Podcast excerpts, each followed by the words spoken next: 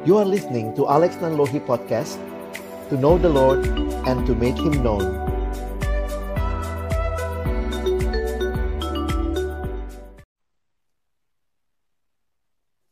Halo teman-teman semuanya, kembali lagi dengan Noni Elina. Dan kali ini senang sekali aku bisa kembali untuk mengudara gitu ya dan menyapa teman-teman semuanya.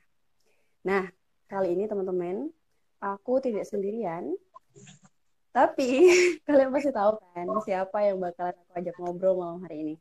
Nah, tapi sebelumnya aku pengen kasih tahu kalian nih ya kalau apa yang akan kita bahas malam hari ini adalah mengelola hasrat untuk sambat. Apa itu sambat? Pasti ini udah asing lagi lah ya bagi teman-teman semuanya. Sambat itu kalau berdasarkan KBBI gitu ya, eh, sambat itu adalah mengaduh atau mengeluh gitu apalagi di masa-masa seperti sekarang uh, siapa sih yang nggak kepengen sambat yang tidak ingin mengeluh ya um, ada banyak kesulitan banyak orang mengalami um, kesulitan, kesulitan ekonomi atau kesepian seperti itu ya atau masalah-masalah lainnya selama pandemi ini berlangsung.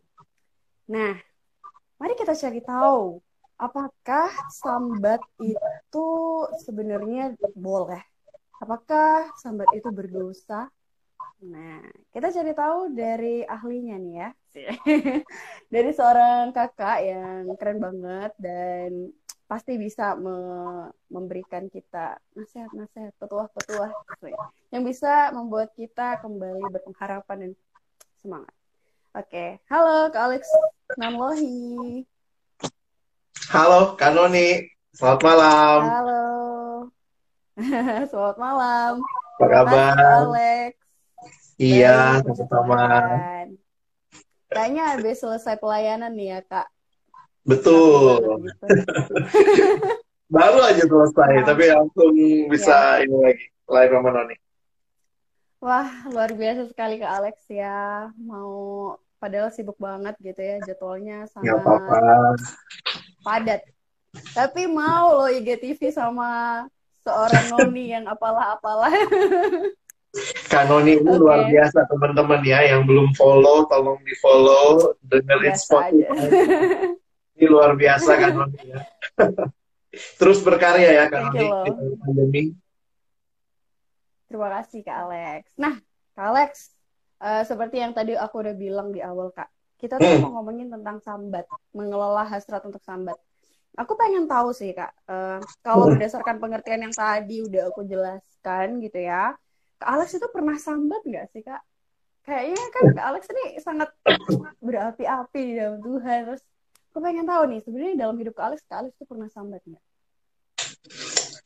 Um, gimana ya kalau ditanya pernah ya mungkin pernah gimana? Karena gini non, aku tuh agak bingung dengan gimana kita menggunakan istilahnya.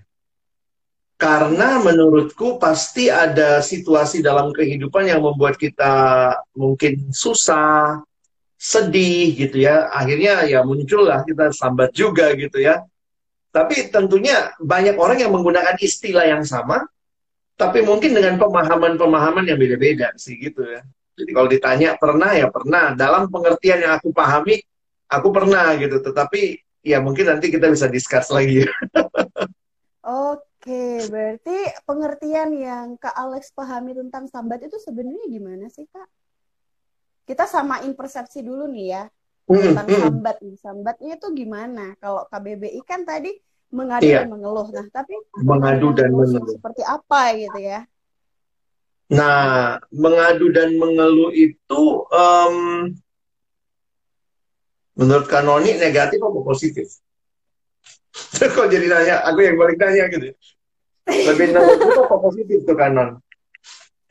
Um, kalau untuk menyatakan apa yang memang dirasakan saat itu, ketika kita mengeluh, uh, bisa jadi hmm itu bukan bukan positif atau negatif sih tapi lebih kepada apa adanya ya apa yang dirasakan yeah. cuman memang nggak sampai yang ada orang sahabatnya tuh beda-beda kak ada yang sampai uh. um, ya mengumpat gitu kan ah iya iya iya um, kata-kata kotor, kebun binatang semuanya keluar gitu kan. Nah, itu itu sambat yang menurutku yang enggak yang negatif yang yang kurang tepat Iya. lah ya. Iya. Tapi ketika mengeluh dan menyatakan apa yang memang dirasakan saat itu juga, eh, kan kita manusia nih punya emosi yang Hmm. Betul. beraneka ragam.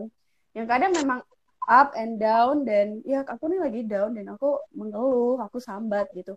Aduh, kok gini sih hidup ini? Aduh, kapan ini semua berakhir? Kayak gitu gitu loh, Kak. Hmm. Kalau sambatku tuh seperti itu. Nah, kalau Kak Alex gimana? Sama sih non, aku aku ngelihatnya seperti itu. Cuma memang karena istilah ya, kita sekarang ini kan dalam dunia yang banyak orang pakai istilah yang sama, pengertiannya yang berbeda. Atau istilahnya sama, tetapi mungkin eh, kita beda-beda tipis gitu untuk memahaminya. Jadi aku tuh ngelihatnya mungkin mirip seperti yang Kanoni kasih judul kita malam hari ini ya, mengelola hasrat untuk sambat. Karena bagiku yang jauh lebih penting adalah masalah hatinya gitu, Kanoni. Hmm. Ini hati kita lagi seperti apa? Jadi itu yang menurutku akan jauh lebih karena apa yang keluar, misalnya tahu-tahu mengumpat, mengapa gitu ya, itu kan sebenarnya dari hati ya.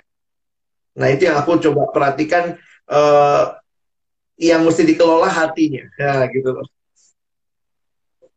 Jadi yang perlu dikelola hatinya dan kalau misalkan seperti apa yang aku sampaikan di awal tadi Kak, sambatnya jika mengeluh mengumpuk, mengemukakan apa yang dirasa eh, ya dia lagi kalau kita lagi down gitu, Kak Alex berarti pernah ya? Iya, iya, pernah. Pernah dan itu biasanya eh, kapan hal itu terjadi nih Kak? Terakhir kali. Waktu Alex ada waktu ada kesulitan gitu ya, waktu ada pergumulan begitu, itu eh, kayak ma apa ya natur manusia kita tuh yang otomatis gitu. Aduh, kenapa begini sih? Kalau orang lain kadang-kadang ngelihat ngelihat eh, apa ya ngelihat hidup orang lain lebih seneng aja tuh gampang banget kita juga ikut mengeluh dan seterusnya gitu. Hmm. Iya. Ya. Nah, Oke, mungkin dalam berarti pengalaman Mm, Maksudku dalam pengalaman eh, mengelola hati itu bagi aku tuh yang menarik sih Kanoni kasih tema ini aku jadi ngelihat lagi gitu ya. Sebenarnya apa sih yang sebenarnya terjadi dalam hati? Nah, itu yang aku aku eh, rasa penting untuk kita sama-sama pahami. ya benar. Eh, karena juga kenapa aku angkat tema ini Kak? Em, Hmm. Eh, ada istilah tentang toxic positivity ya. Jadi toxic Iya. positivity itu di mana em, dia hanya menampilkan perasaan-perasaan positif dan kemudian mengabaikan apa yang dia rasakan sebenarnya, apa emosi dia Hmm. sebenarnya. Seperti itu dan dan setelah aku baca di beberapa postingan atau ar- artikel psikologis gitu ya, toxic positivity ini sebenarnya tampak sangat baik gitu ya. Tapi ternyata itu bisa membuat kita secara mental itu nggak sehat gitu. Betul. Karena apa? Karena kita menyangkal perasaan saat itu eh, ya kita sebenarnya lagi sedih, kita lagi down, tapi kita nggak mau ngaku dan itu yang sebenarnya salah gitu katanya. Itu kan berarti eh, sebenarnya kalau untuk mengakui suasana hati itu it's okay ya kak ya. Iya. Karena Tuhan menciptakan kita sebagai manusia yang punya rasio, punya emosi, punya kehendak.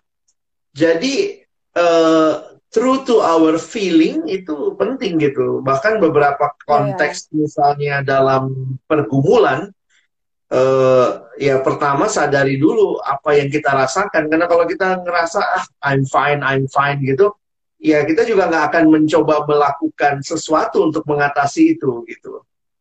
Iya ya. Ya aku setuju sih kak. Eh, menurut kak Alex, kenapa sih kak orang itu kok bisa eh, sambat? Dalam sambat dalam arti positif atau negatif? Eh, ya. Kenapa kok orang tuh bisa kayak gitu kak? Menurut kakak? Nah aku aku aku jawabnya jawabnya filosofis nih. Maksudnya jawabnya Iya, iya. mulai dari pemahaman bahwa eh, aku sangat menghayati bahwa manusia itu utuh ya. Termasuk juga kalau kita bicara Iya. tadi masalah hati, ya mengelola hati. eh aku ngelihatnya gini kan Noni, kita nggak bisa tutup mata, kita itu terhubung dan terkait dengan Allah. Namanya kita manusia, dicipta oleh Tuhan, maka kita terkait dengan Allah. Jadi sikap hati yang benar itu menurutku adalah hati yang senantiasa memandang kepada Allah. Jadi kalau kita bicara uh, itulah yang harusnya terjadi dengan sikap hati kita. Nah, aku ingin membedakan dulu. Makanya tadi aku tanya ya pengertian sambat ini kadang-kadang di level permukaan kelihatannya sama. Tapi karena masalah dalam hatinya yang beda, aku akhirnya melihat begini. Um, di Alkitab tuh ada istilah ya memang mungkin kalau kita pakai Alkitab lebih lebih menarik istilahnya ya. Ya. Dibedakan atau uh, penggunaannya munculnya beberapa kali agak berbeda antara bersungut-sungut sama mengeluh. Nah, itu yang kira-kira kalau yang dianggap yang sambat yang mana ya? Dua-duanya kan? Sungut-sungut itu kan sambat juga gitu, bahkan sampai mengumpat, memaki. Tapi mengeluh juga di Alkitab dipakai istilah yang eh, apakah yang mesti waktu mengeluh juga itu kan kata-katanya juga ini ya penuh penuh kekecewaan. Kayaknya Tuhan berapa lama lagi? gitu. Uh, kenapa musuh seperti ini? Iya. Yeah musuh-musuhku mengangkat kakinya terhadap aku. Nah, jadi aku akhirnya ngeliat gini, lalu bedanya apa dong? Hmm. Kalau di permukaan kita bisa ngelihatnya kayaknya dua-duanya sambat-sambat aja gitu ya. Hmm. Akhirnya gue ngeliat itu tuh, Non. Ini masalah sikap hati sama Tuhan. Hmm. Bersungut-sungut itu nampaknya adalah satu sikap hati yang nggak percaya pada Tuhan. Atau tidak percaya kebaikan Tuhan. Sementara kalau ngeluh, ngeluh yang benar ya, yang Alkitabiah adalah ngeluhnya itu datang menyampaikan isi hati jujur di hadapan Tuhan. Tapi benar datangnya sama Tuhan. Jadi bukan datang sama yang lain. Nah, jadi akhirnya iya ya, beda ya. Kalau kenapa orang bilang lu, lu kok ngeluh, ngeluh itu memang menyatakan feeling, tetapi sebenarnya di dalamnya saya percaya bahwa yang bisa nolong saya itu cuma Tuhan. Makanya datangnya ngeluhnya sama Tuhan. Hmm. Tapi kalau bersungut-sungut, itu Israel tuh luar biasa ngeri ya. Udah ngalamin kebaikan Tuhan, dibawa keluar dari Mesir, laut dibelah, di perjalanan dikasih makanan. Lalu bersungut-sungut, lalu bilang Tuhan gak baik, Tuhan pimpin kami ke sini buat mati doang gitu. Jadi yang satu tuh hatinya berontak, gak percaya sama Tuhan, tapi ngeluh itu kesadaran gue gue butuh pertolongan dan datangnya sama Tuhan minta pertolongan gitu loh. Gitu sih nan yang aku lihat. Walaupun fenomena di luarnya kelihatannya dua-duanya sambat gitu ya. Ya mungkin sambat itu terdengar konotasinya negatif ya hmm. gitu ya. Uh, ya tapi um, kalau boleh jujur gitu ya kak aku sebenarnya ya. cukup sering mengeluh gitu dalam masa-masa ini tapi memang nggak sampai mengeluh yang kemudian mengeluarkan kata-kata kotor dan gimana tetap datangnya yeah. ke Tuhan gitu cuman memang um, Kak Alex, uh, aku setuju sih kalau misalnya kita perlu mengungkapkan semua isi hati kita kepada Tuhan. Tapi bagaimana dengan ketika kita uh, menyatakan itu kepada orang lain nih? Kita udah doa nih sama Tuhan, tapi tetap aja kita butuh ada suara yang mendengarkan kita gitu. Nah, kemudian kita memutuskan untuk bercerita kepada sahabat kita. Kita mengeluh. Pernah nggak sih kak, kayak cuman pengen iya. uh, ngomong iya. dan membuang sampah aja gitu dalam iya, pikiran, iya, dalam hati dan kamu deng uh, dengerin aja udah. Aku gak, aku sebenarnya tahu nih, ini aku lagi nggak beres, cuman aku pengen didengerin aja gitu. Pernah nggak kak? Iya. Aku tuh pernah, sering pernah. pernah. Dan menurutku yeah. ya Uh, satu sisi sih menariknya gini sih non ketika Tuhan juga mungkin melalui sahabat kita itu ya aku juga biasanya kan tanda kutip kalau ngeluhnya atau ceritanya tuh kepada orang yang aku tahu uh, satu frekuensi lah ngerti gitu pergumulan gitu ya hmm. walaupun mungkin yeah. dia tidak ada di tempatku tapi paling nggak dia ngerti gitu jadi waktu aku tanda kutip mengeluh itu sebenarnya jujur aja ya kadang-kadang kita mengeluh itu karena minta support dari orang kan Benar. Orang, orang itu kayak nanti akan ngomong, iya bener ya, iya ya, emang bener begitu gitu. Tapi uh, kadang gue pikir Tuhan juga ngizinin kita ketemu sama orang-orang yang justru bisa kasih pandangan berbeda dan akhirnya itu menolong kita untuk melihat perspektif lain. Tapi ada juga saatnya memang seperti Noni, cuma mau didengar kok gitu. Jangan you say nothing juga udah cukup buat gue gitu. Iya iya iya. Hmm, gitu ya. Ya, berarti uh, uh, kita mau bedakan pertama-tama bedakan bersungut-sungut yang tidak uh, mencari Allah dan bersungut-sungut yang sebenarnya kita tahu gitu kepada siapa seharusnya kita mencari pertolongan. Sebagai manusia itu adalah satu hal yang wajar, gitu ya. Nah, um, berarti sebagai orang percaya Kristus kita nggak apa-apa sambat nih ya kak ya, tapi yang terpenting adalah sambatnya sama Tuhan, mengeluhnya itu sama Yo, Tuhan gitu ya teman-teman. Iya benar. Uh, Menurut Kak Alex, aku masih tetap nggak sih make make um, konotasi ini sambat ini? Saya pikir sih dalam dalam pemahaman kita yang melihat kepada firman Tuhan gitu ya. Dan kalau kita mengalami benar-benar misalnya bergumul dengan Tuhan, ada saatnya Tuhan menolong kita keluar dari pergumulan. Jadi itu yang kadang-kadang aku lihat dia ya sambat tapi jangan terus-terusan sambat gitu ya. Kebayang gak sih kalau terus-terusan sambat gitu? Mungkin hari ini kita sambatnya terhadap yang lain, lalu kita bawa sama Tuhan, rilis, Tuhan ingatkan melalui hmm. firman, melalui sahabat itu bagi aku juga cara Tuhan ngingetin kita gitu ya.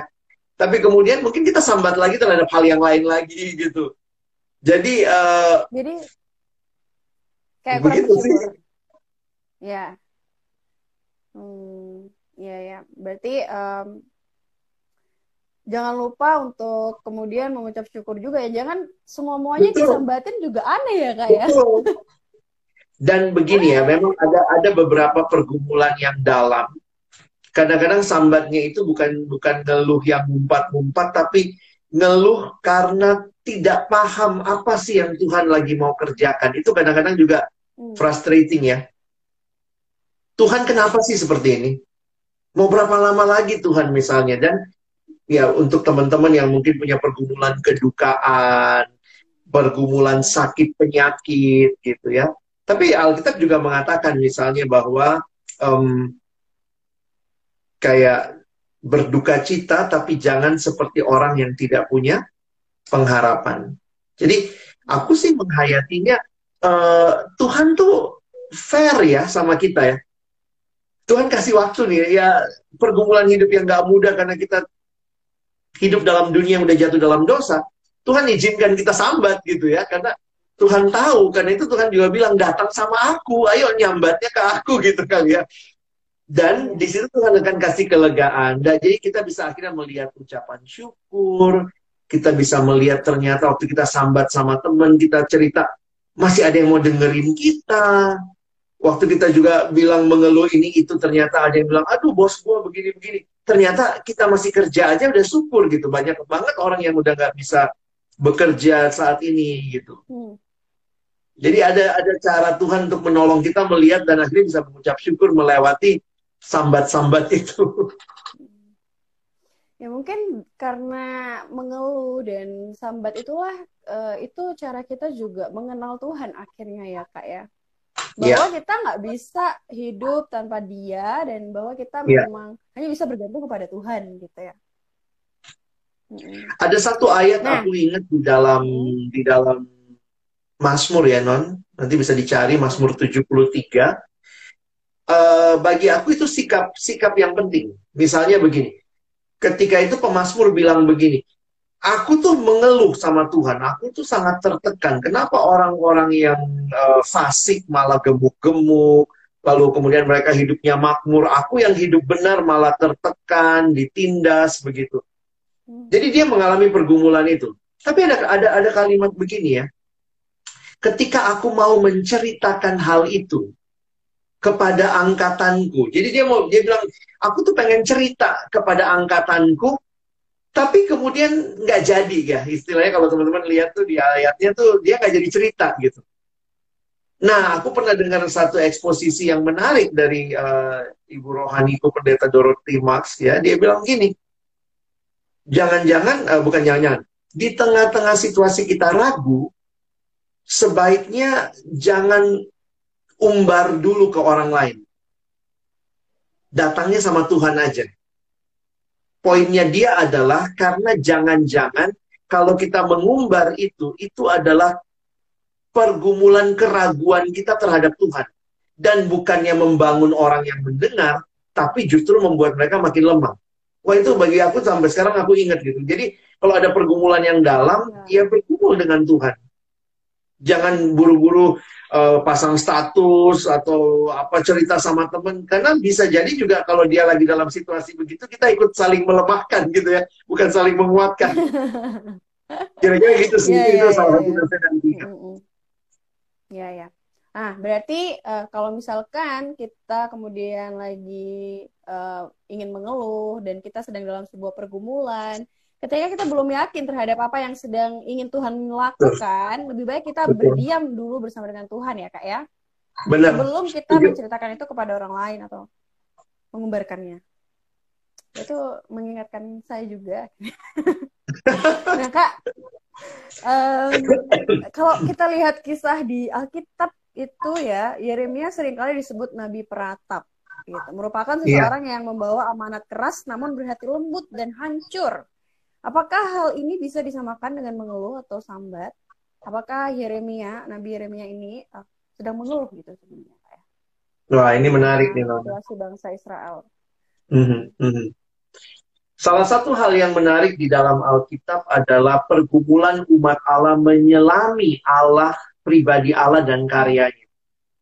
Aku pikir itu pergumulan menyelami Allah pribadinya dan karyanya yang sering kali realita yang kita harapkan dengan yang terjadi itu beda.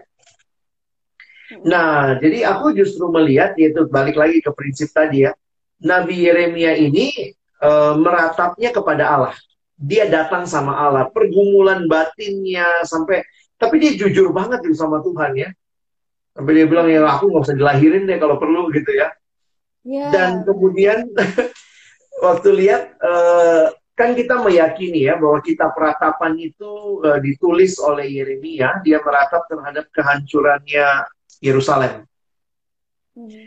Dan aku pikir yang menarik sih waktu lihat juga ya, nanti bisa dipelajari ya, ternyata kira-kira seperempat dari 150 Mazmur itu ternyata adalah Mazmur ratapan. Jadi kemudian ada satu penulis yang bilang begini, kira-kira Tuhan mau apa dengan memberikan kita teladan ada nabi yang tukang meratap, bahkan di tengah Alkitab kita ada kitab ratapan, lalu kemudian juga ada ada seperempat Mazmur yang isinya ratapan. Tuhan mau mengingatkan kepada kita yang hidup dalam dunia yang sudah jatuh dalam dosa ini, ada tempat untuk meratap. Dan ini ada satu disiplin atau ada satu ritual atau bukan ritual lah ya, ada satu apa ya perjalanan rohani yang di dalamnya kita dikasih kesempatan meratap. Meratap itu Kristiani, meratap itu Alkitabiah. Jadi kalau kita bahas ya. malam ini sahabat yang ngeluh itu Alkitabiah. Tapi ketika kita mengalaminya, bagaimana kita melewatinya bersama dengan Tuhan dan ya itu Tuhan tuh care gitu. Saya kasih contoh ya. Kenapa kita kita kadang-kadang sulit untuk uh, atau kenapa ada tempat untuk meratap ya? Karena realitanya begini. Kita tahu Allah baik. Kita tahu Allah baik dan itu kan nggak nggak berubah ya kalau Allah itu Allah yang baik maka dia nggak berubah. Saya suka nanya sama anak sekolahan ya. Kadang-kadang kan diundang tuh, Iku apa Kak Alex pimpin kebaktian persiapan ujian nasional. Kalau saya datang mimpin kebaktian, nah saya suka nanya tuh sama mereka. Adik-adik, kalau kalian lulus ujian nasional, Tuhan baik? Semua jawab, baik. Gampang banget jawabnya ya. Kalau kalian nggak lulus ujian nasional, Tuhan baik nggak? Eh, nah, nah, langsung gagap gitu ya. Jadi kadang-kadang kita merasa Tuhan itu baik kalau yang kita alami baik. Dan Tuhan jadi nggak baik kalau yang kita alami nggak baik. Jadi sebenarnya yang mana yang Tuhan? Perasaan kita atau dia? Nah, jadi ternyata realita Tuhan itu baik. Ini kan benar ya, Tuhan itu baik. Nah, waktu saya ngalami yang nggak baik, sementara saya tahu bahwa Tuhan tetap baik, gimana menghayati realita ini? Nah, di situlah tempatnya meratap. Di situlah tempatnya sambat itu. Mengeluh itu sebenarnya mengingatkan kita bukan seharusnya kita seperti ini. Dan kita masih menantikan satu kondisi yang perfect yang memang belum terjadi sekarang tapi nanti akan terjadi dan itu janji firman Tuhan ya. Ketika nanti dia datang kedua kali, tidak ada lagi air mata, tidak ada lagi penderitaan, berakhirlah sudah susah dan lelah. Jadi mengeluh itu adalah satu sikap hati. Nah ini aku pakai istilah sikap hati ya. Kelolalah itu dengan baik. Sikap hati yang percaya kepada Allah ketika realita yang saya hadapi tidak sama dengan apa yang saya tahu tentang Allah dan kehendaknya dan kebenarannya. Hmm. Nah, jadi kalau kita bisa lewati hal itu, bisa melalui hal-hal seperti itu, non, saya pikir tuh kita survive loh di dalam dunia yang yang memang sudah jatuh dalam dosa ini. Kira-kira gitu. Kita semakin mengenal Allah yang kita sembah akhirnya ya. Betul. Karena selama dalam bergumul itu, dalam meratap itu kita uh, mencari Allah gitu. Dan pada akhirnya kita percaya bahwa ya meskipun kondisi dunia ini kayak gini, tapi ada pengharapan ketika kita akan bersama dengan Allah. Ya, ya, ya. Jadi teman-teman yang saat ini mungkin sedang mengalami suatu pergumulan dan ya merataplah kepada Tuhan gitu ya Kak Alex ya. Jangan dan, jangan ya, nyembunyiin perasaan hmm. juga kayak ah nggak ada apa-apa ini nggak ada apa-apa. Itu itu malah yang kayak Noni bilang baik -baik aja. positivity tuh. Ya, itu nggak sehat malah ya. Betul. Jadi uh, mengeluh aja nggak apa-apa. Oh di di Alkitab juga ada gitu kan. Tapi mengeluh. Kadang-kadang juga caranya kita di gereja atau mungkin jangan pakai istilah gereja lah ya. Pengajaran Kristiani secara luas sering kali merasa orang yang makin dewasa rohani nggak boleh mengeluh. Pokoknya semua kondisi terima. Kita nggak seperti itu realitanya. Iya. Dan bagi aku justru orang yang makin dewasa secara rohani adalah orang yang bisa dengan jujur dan terbuka di hadapan Allah terhadap apa yang dia rasakan dan dia alami. Iya benar. Dan Tuhan itu nggak kayak kaget gitu ya kak sama perasaan kita. Hah, kamu gitu sih gitu? Enggak. Jadi Tuhan itu sebenarnya udah tahu gitu ya kak. Cuman bedanya kalau kita ngomong sama Tuhan, kita akan merasa bahwa Tuhan itu sebenarnya deket dan ngerti kok gitu. Iya. Mm-mm. Jadi Tuhan nggak semerta-merta tuh kaget, hah kamu ternyata gitu kayak teman-teman kita ya kalau kita cerita. Iya. Tapi Tuhan itu beda gitu ya. Betul. Ada hal-hal yang dia izinkan kita sekarang ini mendapat jawabannya. Sehingga akhirnya mungkin kita bisa rilis gitu ya. Tapi aku juga meyakini bahwa ada hal-hal yang sampai nanti kita ketemu Tuhan, baru kita tahu gitu ya. Kita nggak tahu kenapa ini terjadi. Dan bagi aku itu Tuhan membuka ruang untuk kita percaya, berharap, eh, apa ya belajar berserah karena memang Tuhan ya inilah realitanya gitu. Aku nggak tahu sampai berapa lama dan seterusnya, tapi hmm. aku percaya engkau baik. Nah itu tuh menselaraskan antara realitanya lagi nggak baik, tapi aku percaya engkau baik. Nah di situlah letaknya rata Iya benar. Berarti um, Tuhan baik tidak uh, melihat apa pun kondisi kita ya teman-teman. Meskipun kondisi kita tuh mungkin saat ini menderita, sakit, um, atau dalam kondisi yang nggak baik banget lah. Tapi Tuhan tetap baik dan itu yang perlu kita percayai. Iya. Sulit, sulit gitu. Tapi uh, mungkin di satu sisi gini ya Kak Alex, uh, ketika kita sulit melihat kebaikan Tuhan, itulah pentingnya komunitas yang ah, kita uh, bercerita, uh, kita diingatkan kembali gitu ya. Ketika kita nggak bisa sama sekali lihat kebaikan Tuhan, komunitas itulah yang menolong kita untuk mengingatkan, enggak kok. Nah, tentunya komunitas yang percaya kepada Iya. Iya. Nah, terus Kak, eh, bagaimana seharusnya kita mengelola hasrat untuk sambat tetapi tidak menjadikan diri kita berdosa kepada Allah? Nah, ini kayaknya pertanyaan tadi sudah sempat dijawab sih ya. Iya, iya, iya. Mungkin kita, kita tekankan mengeluh, tapi kita lagi. tidak berdosa. Kita tekankan lagi bahwa jujur di hadapan Allah tuh nggak dosa banyak orang yang merasa kalau dia cerita jujur bertanya sama Allah tuh kayaknya nggak benar gitu. Saya sih nggak ngelihatnya begitu ya. jujur di hadapan Allah itu adalah bagian yang Tuhan berikan buat kita. Cuma bagaimana melaluinya, bagaimana melewatinya. Kadang-kadang memang kita harus jujur, kita masih ragu gitu. Tuhan kenapa begini? Tapi akhirnya kita datangnya sama Tuhan, karena kita kan anaknya Tuhan. Kita akan datang sama dia, tanya, Tuhan kenapa begini? Dan kadang Tuhan langsung kasih jawabannya, kadang kita diizinkan melewati dulu berbagai proses. Tapi eh, percaya sama Tuhan bagi aku itu yang itu yang menolong kita untuk bisa bertahan Lalu kemudian yang kayak tadi Noni bilang ya, ketika kita memang benar-benar bergumul dengan situasi itu mungkin melalui komunitas. Jadi kita tuh tidak berdosa karena kita terus bergumul dengan Tuhan. Ketimbang kita meragukan Tuhan, mencela Tuhan, udah tahu kebaikan lalu kita bilang Tuhan, ah kamu Tuhan gak baik sama aku gitu. Ya tapi itu proses ya non. Jadi kadang-kadang bagi aku uh, ada satu anak remaja tuh pernah datang tuh. Tiba-tiba dia ngomong gini, Tuhan nggak baik sama aku kak. Lalu aku nanya kenapa? Sambil nangis-nangis, Tuhan kenapa tega banget bikin ini sama aku? Terus, kenapa dek? Lalu dia cerita, dia baru diputusin pacarnya. Anak SMA pacaran umur 17 tahun. Tuhan nggak baik sama aku. Kenapa kalau Tuhan baik? Harusnya dia kasih dong. Itu orang yang benar-benar bisa mengasihi aku selama ini tiba-tiba banyak lah dia ngeluhnya begitu ya.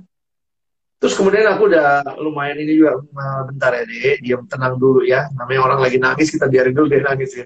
Terus aku bilang, Tuhan gak baik ya sama kamu. Oh iya ya, iya kak.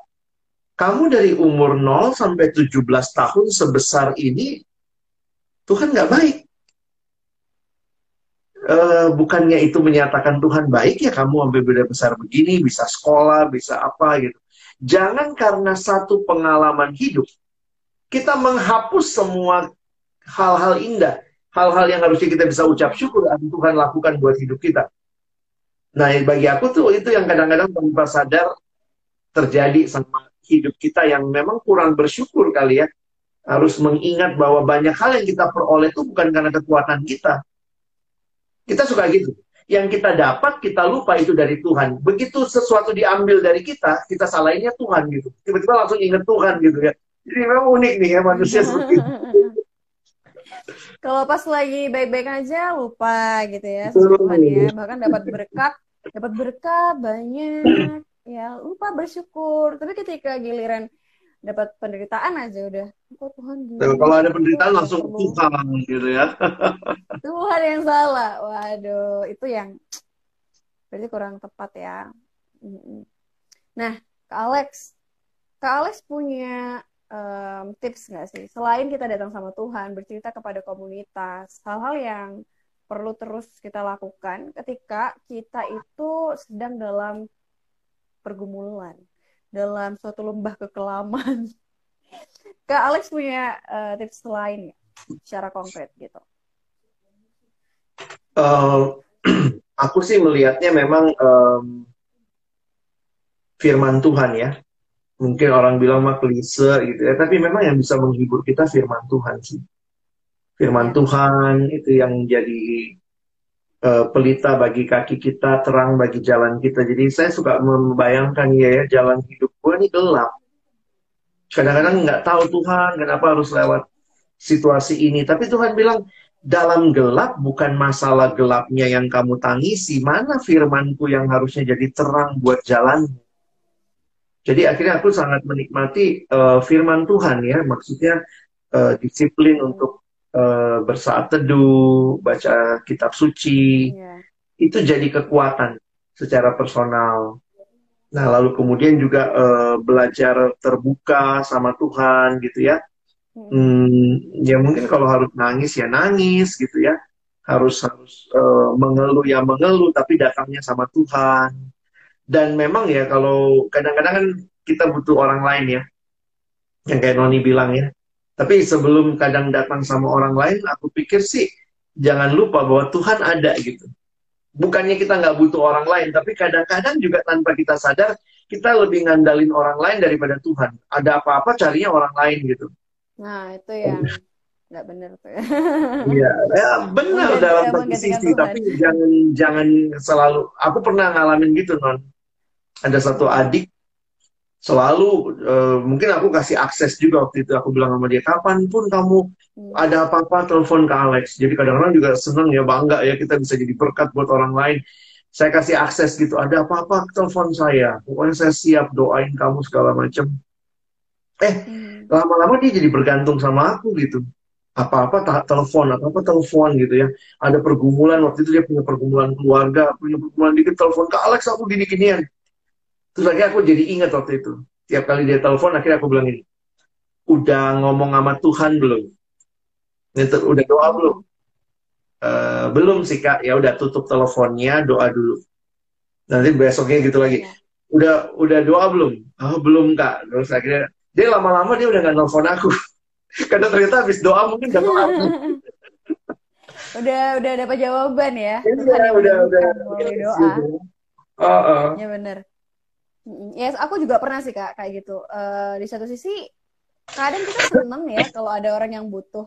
Tapi jangan sampai ketika kita uh, memberi diri untuk jadi tempat bercerita orang lain, kita menjadi Tuhan untuk dia. Tuhan atas mereka. Jangan Dan kadang kita, gitu. kita bisa bisa jealous loh non. Kita bisa jealous gitu. Ih, kok aku nggak tahu yang itu gitu.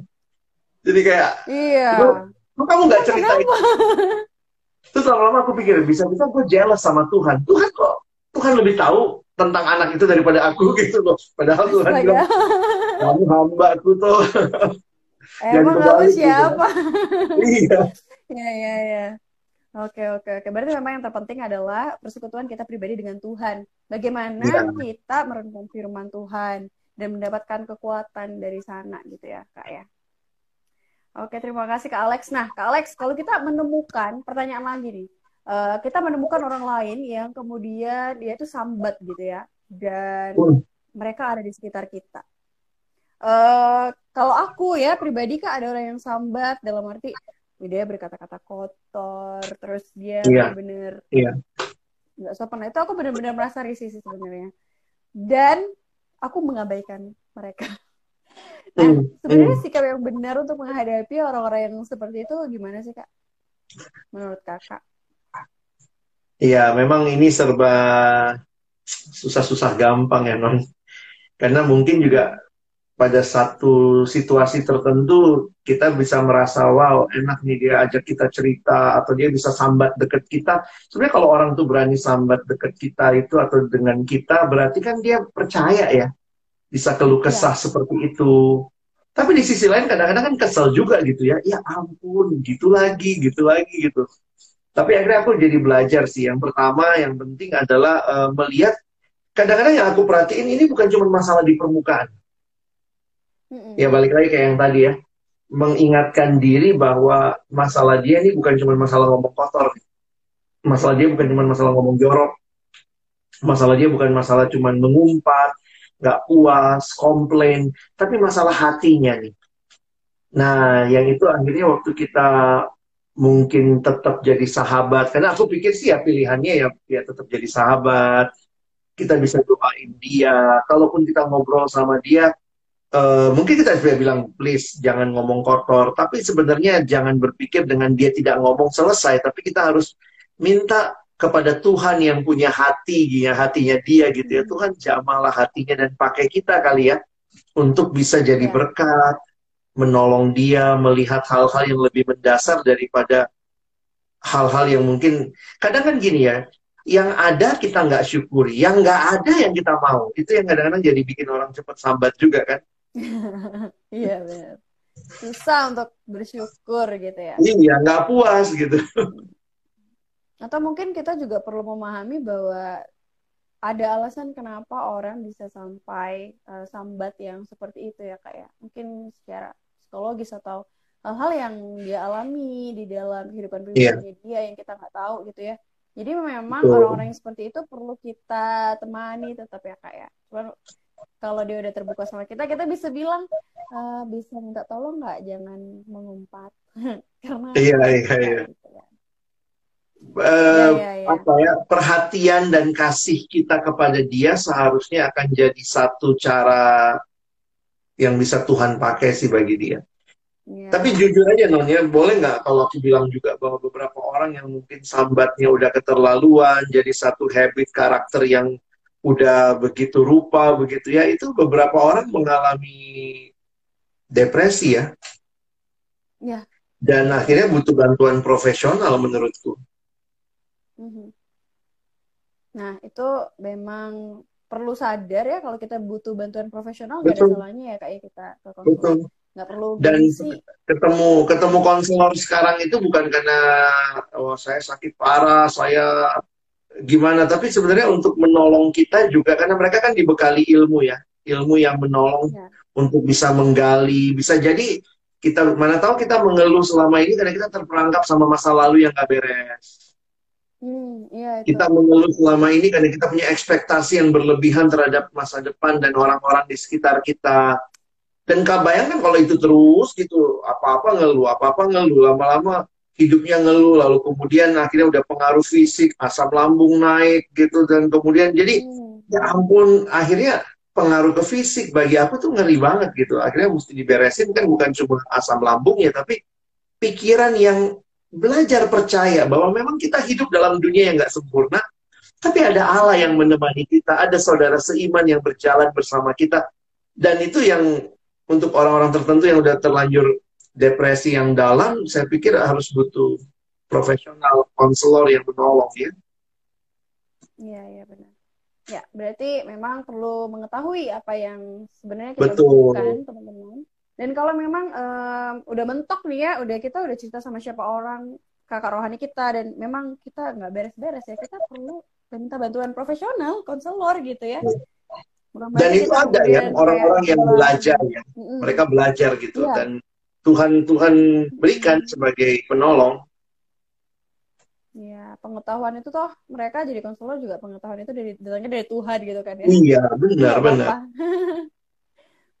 Nah, Kak, kalau kita lihat-lihat nih ya, Kak ya, eh, kebanyakan orang itu sebenarnya sambat tentang apa? Nah, kalau aku boleh lihat, ya, apalagi di masa-masa pandemi seperti ini, semua orang mengeluhkan perekonomian. Semua orang mengeluhkan situasi, kenapa sih aku kok nggak bisa melakukan aktivitas yang dulu, yang biasa aku lakukan, dan sekarang tuh nggak bisa aku Nggak bisa lakukan ya. gitu. Mungkin ada juga orang yang sambat terkait dengan, oh kenapa kok aku tuh eh, jomblo terus dari dulu gitu. Atau mengeluhkan eh, kondisi bos di kantor yang, ih pokoknya bosnya udah dia nggak suka banget karena persaingan yang gak sehat di kantor dan lain sebagainya. Dan ada banyak gitu ya. Tapi memang Kak, kalau misalkan kita mau cari tahu jalan keluar dari setiap sambatan itu, itu nggak bisa disamaratakan ya, nggak bisa disamain ya Kak ya. Betul. Cara Karena meng- Kondisinya juga pasti kan masalahnya beda. Sumber masalahnya juga beda. Mhm. Oke, Eh, kalau misalkan ada orang yang sambat terkait dengan kondisi di mana Hmm. dia nggak bisa melakukan hal-hal yang seperti dulu lagi, seperti semuanya dibatasi secara sosial. Hmm. Menurut Kak Alex, apa yang harus kita lakukan? Karena ini sebenarnya aku sih Kak yang mau cerita sama Kak Alex, mem- memanfaatkan IGTV. Kesempatan, kesempatan. Sekalian ya curhatku itu sama Kak Alex diabadikan melalui IGTV. Jadi aku tuh sebenarnya eh, sangat merasa apa ya? Sangat merasa ini sih mulai merasa stres atau gimana ya? Masa aku stres sih? Cuman memang karena aku nggak bisa ketemu ya? lagi sama orang. Hmm. Eh, dan aku orangnya extrovert banget gitu kan. Sempat ada di mana suatu titik tuh aku ngerasa Tuhan, aku tuh nggak bisa kayak gini terus gitu. Bener-bener harus ketemu orang nih. Dan semuanya pertemuan itu berturut-turut dalam satu minggu tuh bisa cuman di hadapan laptop gitu kan. Dan aku tinggal sendirian, literally sendirian di suatu rumah gitu kan. Nggak ada eh, keluarga dan lain sebagainya. Dan sebagai orang extrovert itu tuh bener-bener stres banget kak. Dan aku butuh sesuatu nih. Aku butuh ketemu sama orang nih. Akhirnya aku memang ketemu dan menginap di rumah salah seorang teman gitu. Iya, nah kalau untuk orang-orang sepertiku gimana tuh kak? Aku pikir sih Tuhan tahu lah ya semua kita Hmm. dengan karakter, tipe kepribadian, extrovert, introvert. Aku pikir Tuhan tahu dan Tuhan juga sebenarnya memberikan kepada kita aku sangat menikmati sebenarnya persekutuannya. Persekutuan yang namanya ada saudara seiman, yang mungkin kita bisa jujur sama mereka gitu ya untuk menceritakan keluh kesah kita dan juga dapat feedback. Karena bayangkan kalau keluh kesah doang kan sama tembok di rumah juga bisa kan? yang ngomong oh, tembok gitu, aku kesel, aku kesel, tapi kan nggak ada yang kasih feedback. Jadi kita butuh tuh feedback gitu ya. Nah, tapi aku pikir kita harus melewati bagiku itu tahap kali non ya. Maksudnya ada ada tahap seperti itu yang menurutku kalau kita nggak lewati dengan baik, kita tuh akan ter, ter apa ya berhenti di tahap itu aja. Hmm. Nah saya pikir waktu kita maju lagi kita akan bisa belajar lah, kira-kira naik kelas dikit lah. Akhirnya melihat iya ya tidak semua hal uh, bisa aku kontrol sebenarnya itu yang aku paling sadari waktu pandemi ini loh. Aku juga kan ekstrovert gitu ya, terus biasa di luar rumah. Di rumah tuh jarang banget gitu justru karena pandemi malah di rumah mulu gitu. Tapi kemudian waktu bisa melewati itu, jadi jadi belajar untuk melihat iya ya ini ada satu tahap bukan aku yang punya kontrol atas hidupku bahkan. Bayangkan ya ini kan semua kita dikontrol oleh pemerintah. Saya saya mau keluar tapi misalnya secara jadi akhirnya menyadari iya ya, I'm not in control. Jadi justru belajar bahwa ada Tuhan yang mengontrol segala sesuatu. Lalu kemudian waktu maju lagi, nah saya aku udah lewatin masa di mana udah lewatin mengeluh. Nah waktu itu sangat berkesan bagi aku adalah uh, pengalaman Rasul Paulus. Iya ya, Paulus itu di penjara loh, nggak bisa ketemu orang. Padahal kalau kita lihat suratnya kayaknya banyak banget dia kenal orang, tapi apalagi waktu surat 2 Timotius dia di penjara. Tapi di penjara itu kemudian dia nggak meratapi nasib, aduh aku di penjara gitu ya. Dia do something yang bagi dia adalah sesuatu yang menarik. Dia menguatkan anak rohani Timotius melalui tulisan kan. Ya. Dia pakai media, media di zamannya tulisan. Aku mikir kalau mungkin Paulus masih hidup sekarang nih, dia nulis mulu kali ya di IG ya dia akan nulis status gitu ya. Uh, dia yeah. kenapa dia dia punya kerinduan untuk share untuk kuatin orang begitu. Dan dia tahu Timotius bisa baca surat itu mungkin atau jemaat bisa ngalamin. Jadi akhirnya aku pikir uh, aku ber, beranjak dari uh, fase yang awalnya tuh uh, merasa diri hopeless tidak berdaya karena aku biasanya pegang kontrol sekarang aku nggak bisa kontrol Terus kemudian belajar menyerahkan kontrolnya, ya emang Tuhan sih yang bisa mengontrol segala sesuatu, I am nothing gitu. Nah, waktu dia bisa lewatin itu, bisa lewatin itu, terus kemudian muncul tuh hal-hal yang ya jujur aja bagi aku secara pikiran mencerahkan ya. Jadi akhirnya aku tuh jadi belajar untuk, karena kan banyak orang, aduh uh, off, uh, online ini nggak bisa menyentuh, aduh online ini nggak bisa meluk, aduh online ini nggak bisa memberikan uh, kekuatan buat orang secara fisik dan touching langsung begitu ya. Tapi akhirnya lupa apa yang online ini bisa. Jadi kita kadang-kadang meratapi apa yang online ini nggak bisa. Ya kebaktiannya online, nggak bisa lihat pendetanya langsung. Semua yang kita ratapi itu adalah apa yang online ini nggak bisa. Tapi kita mesti beralih kepada sebenarnya apa sih yang online ini bisa, yang justru itu bisa kita pakai untuk lebih baik lagi ternyata online ini bisa IG live non gitu ya. Dan mungkin perlu IG IG live ini live IG tiap malam kali non kalau lihat kamu ekstrovert begitu ya tiap malam bisa narasumber. sama siapa? Nah ya, ya, akhirnya ya. Waktu, waktu udah lewati itu nah aku lebih tenang. Ini kan udah masuk bulan keempat jadi udah lebih nikmati gitu. Akhirnya aku sadar iya ya ini masalah state of heart and state of mind. Masalah cara pikir, cara pandang, bahkan masalah sikap hati. Nah, aku tambahin satu lagi ya. Akhirnya aku belajarnya gini kali nonnya. Jadi ingat uh, serenity prayer. Nanti teman-teman googling lah ya serenity prayer. Doa memohon kebijaksanaan. Doa itu bilangnya begini. Tuhan, tolong aku mengubah hal-hal yang bisa aku ubah tolong aku menerima hal-hal yang tidak bisa aku ubah. Dan tolong aku untuk bisa membedakan keduanya.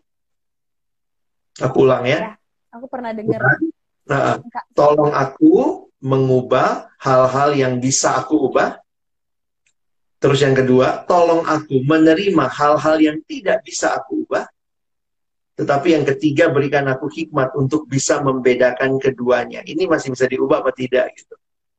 Jadi dalam dalam pengalaman ada di rumah gitu ya ngelihat ini nggak bisa diubah. Nah kalau nggak bisa diubah, kita mau doa semalam suntuk sampai suntuk tambah apa lagi kan nggak bisa berubah. Kira-kira begitu ya. Maka kita terima. Yang bisa kita ubah, ayo ubah gitu. Kadang-kadang orang suka bilang gini, aku memang pemarah, aku memang pemarah. Loh itu bisa diubah. Tapi masalah apa? Eh, urutan lahir. Karena ada ada kalau nanti kita pelajari ada 10 hal dalam hidup yang nggak bisa diubah. Contohnya urutan lahir. Sekali kamu jadi adik, ya emang begitu kamu mau doa semalam suntuk, panggil satu gereja, satu Indonesia berdoa, Tuhan ubahlah urutan saya. Begitu amin, tetap kamu adik. Itu nggak bisa diubah. Kalau nggak bisa diubah, kita kesel. Kenapa aku adik? Ini abangku ini nggak beres ini. Harusnya aku yang abang. Kenapa aku adik? itu nggak bisa diubah. Terimalah bersyukur Tuhan, aku punya abang yang ngeselin kali gitu ya. Tolong aku mengasihi dia. Lalu berikutnya yang bisa diubah, karakter tuh bisa diubah. Iya, bisa. Ngeluh-ngeluh ini, sambat-sambat ini bisa diubah menjadi ucapan syukur, jadi sukacita. Jadi jangan sampai situasi ini kita ngeluhin hal yang nggak bisa diubah. Lalu kemudian kita tahu nggak bisa diubah, kita tambah marah, yang bisa kita ubah malah kita nggak ubah. Nah, aku pikir sih kita minta Tuhan hikmat ya untuk membedakan. Ya, ya, ya. Jadi kira-kira sih aku lewatin tahap itu. Doa itu tuh bagus banget ya. Jadi kita minta sama Tuhan apa sih sebenarnya yang bisa kita ubah? Mungkin situasinya nggak bisa nih kita ubah, tapi dari Betul. diri kita atau sesuatu hal yang lain mungkin ada ya kak ya. Mm -mm. Dan belajar melihat apa sih yang online, yang serba online ini bisa. Itu ternyata banyak. Bener kalau aku oh, lihat Paulus sebenarnya sebenarnya aku baru aja atau lagi sih lagi uh, eh, PA tentang dua Timotius sih kak. Iya, iya. dan itu memang bagaimana uh, Paulus itu sudah hampir pada akhir hidupnya ya kak ya sepertinya gitu ya. Dan mengatakan bahwa ya dan itu sulit banget gitu di, di posisi Paulus dan nggak bisa dibandingkan lah dengan apa yang saat ini kita hadapi gitu ya tapi dia bisa tetap menguatkan orang lain, memuridkan orang lain melalui surat-suratnya. Betul. Kemarin ada satu kesempatan pelayanan, lalu kemudian ada yang nanya, Kak Alex, gimana ya kita mendekati mahasiswa baru, kita mendekati siswa baru yang kita nggak pernah ketemu. Kita nggak pernah ketemu, tapi kita mesti deketin mereka, jangkau mereka, bawa mereka ikut dalam pertemu, uh, dalam kelompok gitu ya. Kelompoknya yang mana lagi online nggak pernah ketemu. Lalu kemudian kan logikanya gitu ya non ketemu aja susah deket apalagi online begini gitu lagi. Terus belum pernah ketemu kan? bayangkan nih buat kita yang melayani siswa gimana nih jangkau adik-adik kelas 10 yang kita nggak pernah ketemu tapi kita mesti melayani mereka bawa mereka masuk kelompok kecil. Terus aku cuma bilang gini aja sih dalam pengalaman penghayatan itu aku bilang gini Paulus itu waktu nulis kitab Roma tuh belum pernah ke Roma loh. Yeah. Paulus waktu nulis kitab Kolose dia belum pernah ketemu jemaat Kolose. Tapi dia bisa sambung rasa dengan mereka karena kita ada di dalam Tuhan. Kadang-kadang jangan kita sepelekan status kita ada di dalam Tuhan dan orang-orang itu kita mau layani supaya mereka kenal Tuhan. Jangan mati gaya gitu loh. Cuman hanya karena pandemi ini kita berhenti, nggak bisa kelompok kecil, nggak bisa ini, nggak bisa jangkau adik-adik mahasiswa baru. Kayaknya receh banget gitu ya kalau mungkin pakai bahasanya Paulus gitu ya. Eh bahasanya Paulus, bahasa kita sekarang untuk melihat kondisi itu gitu. Paulus aja berjuang loh nulis surat untuk orang yang dia nggak pernah ketemu gitu kita kan masih bisa nyalain cam. Masih bisa nyalain cam masih bisa lihat oh nih anak oh botak oh ini palanya pitak gitu ya. Paulus nggak pernah bisa lihat.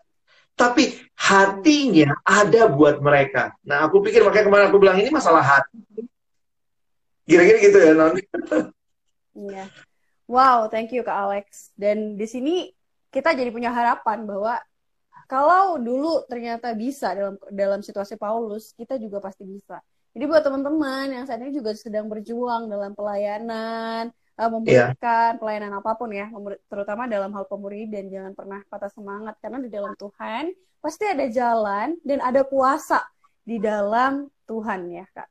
Tidak Amin. dibatasi oleh apa pun. Terima kasih Kak Alex. Jadi nampaknya akan segera berakhir gitu ya, karena kita sudah satu jam nih ya Kak ya. Sama-sama, Non. Terima kasih banyak, Kak Alex. Semoga Kak Alex Terima kasih. Senang loh bisa diajak live bareng. Iya, aku juga terlebih, aku sangat senang sekali bisa bersama-sama dengan Kak Alex malam ini. Terima kasih teman-teman yang sudah uh, mendengarkan. Mm -mm. Gimana Kak? Kesempatan ini kali ya, Non. Maksudnya aku kadang suka mikir orang suka nanya gitu, kalau ngajak abang live boleh nggak? Ya boleh-boleh aja. Kalau ngajak Kak Noni live juga boleh aja. Ya, Iya ya, silahkan DM ya, ya ke Instagram. Jadi iya, bukannya iya, berarti mesti kirim surat undangan dua minggu sebelumnya. ah, enggak, enggak, enggak kayak gitu ya. Jadi aku ngubungin ke Alex satu minggu sebelumnya ya kak ya. Iya. Dan ya, kita tinggal cari waktu kosong kan sekarang banyak banget waktu dan maksudnya ini kan bisa disimpan. Karena bisa disimpan, ya. bisa ditonton lagi gitu. Jadi bagi aku jangan tunggu ayolah do something gitu dan Kak Noni udah buktiin. Ya. Thank you Kak. Benar. Lihatlah kesempatan-kesempatan yang bisa kamu ambil di masa-masa seperti ini teman-teman. Terima kasih Kak Alex. Mari kita akhiri. Teman-teman terima kasih banyak karena sudah uh, sampai saat ini mendengarkan dan menonton IPTV ini. Tuhan Yesus memberkati. Thank you. Bye. Thank you, Alex. Bye-bye. Sama-sama Kak Noni. Tuhan berkati terus. Jangan berkata